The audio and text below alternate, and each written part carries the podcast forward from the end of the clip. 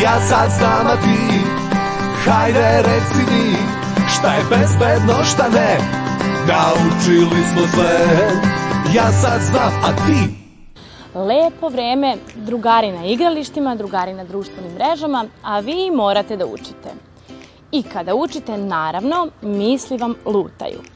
Kažu da tinejdžeri moraju sami brinuti o svojim obavezama i školske zadatke ispunjavati na vreme. Ne treba roditelji da ih posjećaju na njih, niti da te zadatke proveravaju. Kako da postignete samostalnost u učenju, a da pritom razumete naučeno, pitali smo stručnjake. I jeste vi spremni za kontrolni? Ja, ja sam učio, ali mislim ništa ne znam. Jo, jo, obično mi pomaže starija sestra, ali ona me propituje, ali sada, mislim, ona nije sad bila tu pa sam učila sama. Ne, ja sam juč učila ceo dan, bez prekida i bila sam 100% sigurna da sve znam. A ujutru kad sam se probudila, blokada. Evo sada listam kao prvi put da čitam. Pa kad si kampanjac, ne možeš sve naučiti u, za jedan čas. Nisi kompjuter. Ja neke lekcije naučim za čas, a neke nema Boga. Pa ja nemam ni toliko vremena, trening, muzička, engleski. Pa morala sam da nađem kao neku svoju tehniku. I onda onako, pustim laganu muziku, neku, lepim one papiriće u bojama svuda po sobi. I onda kada ponavljam, setim se koje boje je bio papirić. Mislim, meni to pomaže, a mogla bi ti nešto da nađeš. Ta ti je dobra, mislim, kad bi nastavnici stigli malo bolje da nam objasne na časovima. Kad dođem kući, prvo moram da nađem nekog da mi objasni, pa tek onda mogu da krenem da učim. Slušam predavanja na času, ali baš ništa ne razumem. Mislim, kad bih previše zapitkivao, ispadao bih glup i svi bi mi se smejali. Mislim, da li to znači da trebam da učim lekcije unapred ili... Nekada, kada pročitamo lekciju pre nego što je nastavnik ispredaje, može da nam pomogne da se pripremimo za taj čas. Međutim, samo čitanje unapred neće pomoći da bolje razumeš tekst. Naprimer, za razumevanje teksta mnogo bitnije upravo ta pitanja da postavljaš, ma koliko ti delovalo da možda nije pravo vreme i mesto da svako treće pitanje bude tvoje, ali kroz pitanja najbolje učimo. Tako da bi pre, predlog bio, na primjer, da ako već ne želiš na času da pitaš pitanja, da ostaneš posle časa i da pitaš nastavnika dodatna pitanja kako bi ti objasnio lekciju ili dao neke primere koji će ti biti korisniji. A kod kuće, da svakako iščitaš još dva, tri puta lekciju čisto da, što kažu, da, da, da to slegne kako treba, jel? Nekada kad učim ide mi lako, a ponekad mi se uopšte ne uči. A moram da se spremim za odgovaranje. Šta utiče na koncentraciju? Na koncentraciju utiče dosta, da kažemo, stvari ili ti faktora. I često nam se desi da baš zato što ili nismo ušli u tu temu ili nam se ne sviđa tema koju učimo, da nam sve, sve oko nas privlači pažnju da bismo radili da se posvetimo tome nego samoj lekciji. Ono što može da pomogne jeste da, na primer, se isključi telefon, da se udaljimo od laptopa, kompjutera i da odvojimo vreme za učenje koje neće biti 5 sati odjednom, nego da ga podelimo. Na primjer, 30 minuta učimo, pa napravimo pauzu, pa onda opet 30 minuta učimo i onda ide neka aktivnija pauza, po, na primjer, šetnja po stanu ili malo izlazak napolje u šetnju i onda da, da kažemo da se vratimo, da ponovo ponovimo sve što smo tog dana naučili. Ali generalno, ta pomeranja u koncentraciji su potpuno priroda i no, prirodna i normalna zato što ni sama lekcija nije jednostavna za učenje u smislu ima neki delova koji su malo teži, neki koji su jednostavniji, pa tako i naša koncentracija ide gore dole. Zašto mi je nekada lakše da učim sa nekim nego kada učim sama? Učiti sa nekim je uvek zabavnije nego učiti sam. Sad kada to baš nije moguće, um, od pomoći može da nam bude da napravimo neki plan učenja. Na primjer, šta ćemo da radimo pre učenja, šta ćemo da radimo tokom učenja i šta ćemo da radimo nakon učenja. Pa tako kada pravimo taj plan pre učenja, možemo sebi da postavimo neke ciljeve. Šta je to što danas želim da naučim? Koliko želim da naučim od lekcije?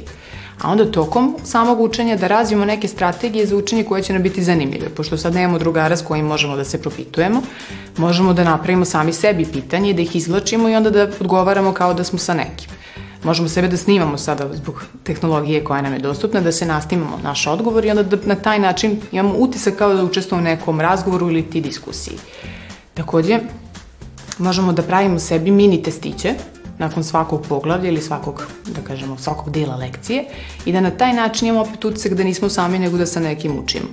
A nakon učenja možemo da napravimo neku vrstu procene ili ti evaluacije u smislu šta smo mi tu naučili, koliko, je, koliko su bile efikasne te strategije koje smo koristili.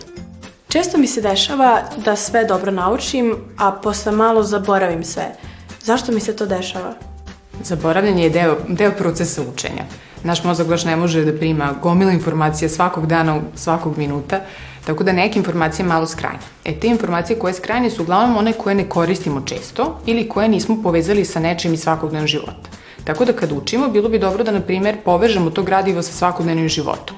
Ako učimo nešto iz fizike, da to primenimo, to je da vidimo tu primenu u samom životu, jel? I da na taj način učvrstimo teoriju sa praksom. Takođe, kad je u pitanju zaboravljanje, um, bilo bi dobro da naučimo slične lekcije, to je da naučimo jedan ceo dan samo istoriju, nego da pravimo neke pauzice kako ne bi došlo do preklapanja gradiva. Naprimer, istoriju i matematiku. Jer što su nam sličnija gradiva ili lekcije, to ide malo, dolazi zapravo češće do zaboravljanja, jer te slične informacije se preklapaju i onda se malo izbunimo gde koja informacija zapravo ide. I ono što isto može da pomogne e, jeste izrada mape uma. To je jedan veoma zabavan i, i zanimljiv način učenja, gde na sebi na jako, da kažem, slikovit način povezujete neke pojmove iz neke teme i to vam bude vizualno predstavljeno i u svakom trenutku kad želite da ponovite, dovoljno da pogledate taj crtež koji ste napravili i da vam krenu asocijacije i povezivanja šta, koja informacija zapravo ide sa kojom. Jel?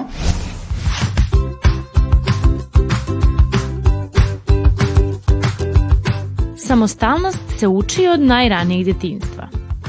Probajte da se oslobodite loših navika, dugih šetnji sa vršnjacima, previše vremena za kompjuterske igrice, TV-a, neprestane komunikacije telefonom ili porukama. Komunikacija sa društvom treba biti dozirana. Tek tada će biti korisna. Naučite da budete organizovani. Zapisujte šta je važno, napravite plan koji će zavisiti od vas i neće uključivati podsjećanje od strane starijih. Ako vam je lakše, upišite u kalendar, bojite obaveze raznim bojama, šta god vama odgovara. Planirajte i pauze za odmor, tako neće doći do premora i nerazumevanja onog što čitate. Učite sami. Kada nešto ne razumete, zapišite i kasnije potražite pomoć roditelja ili profesora.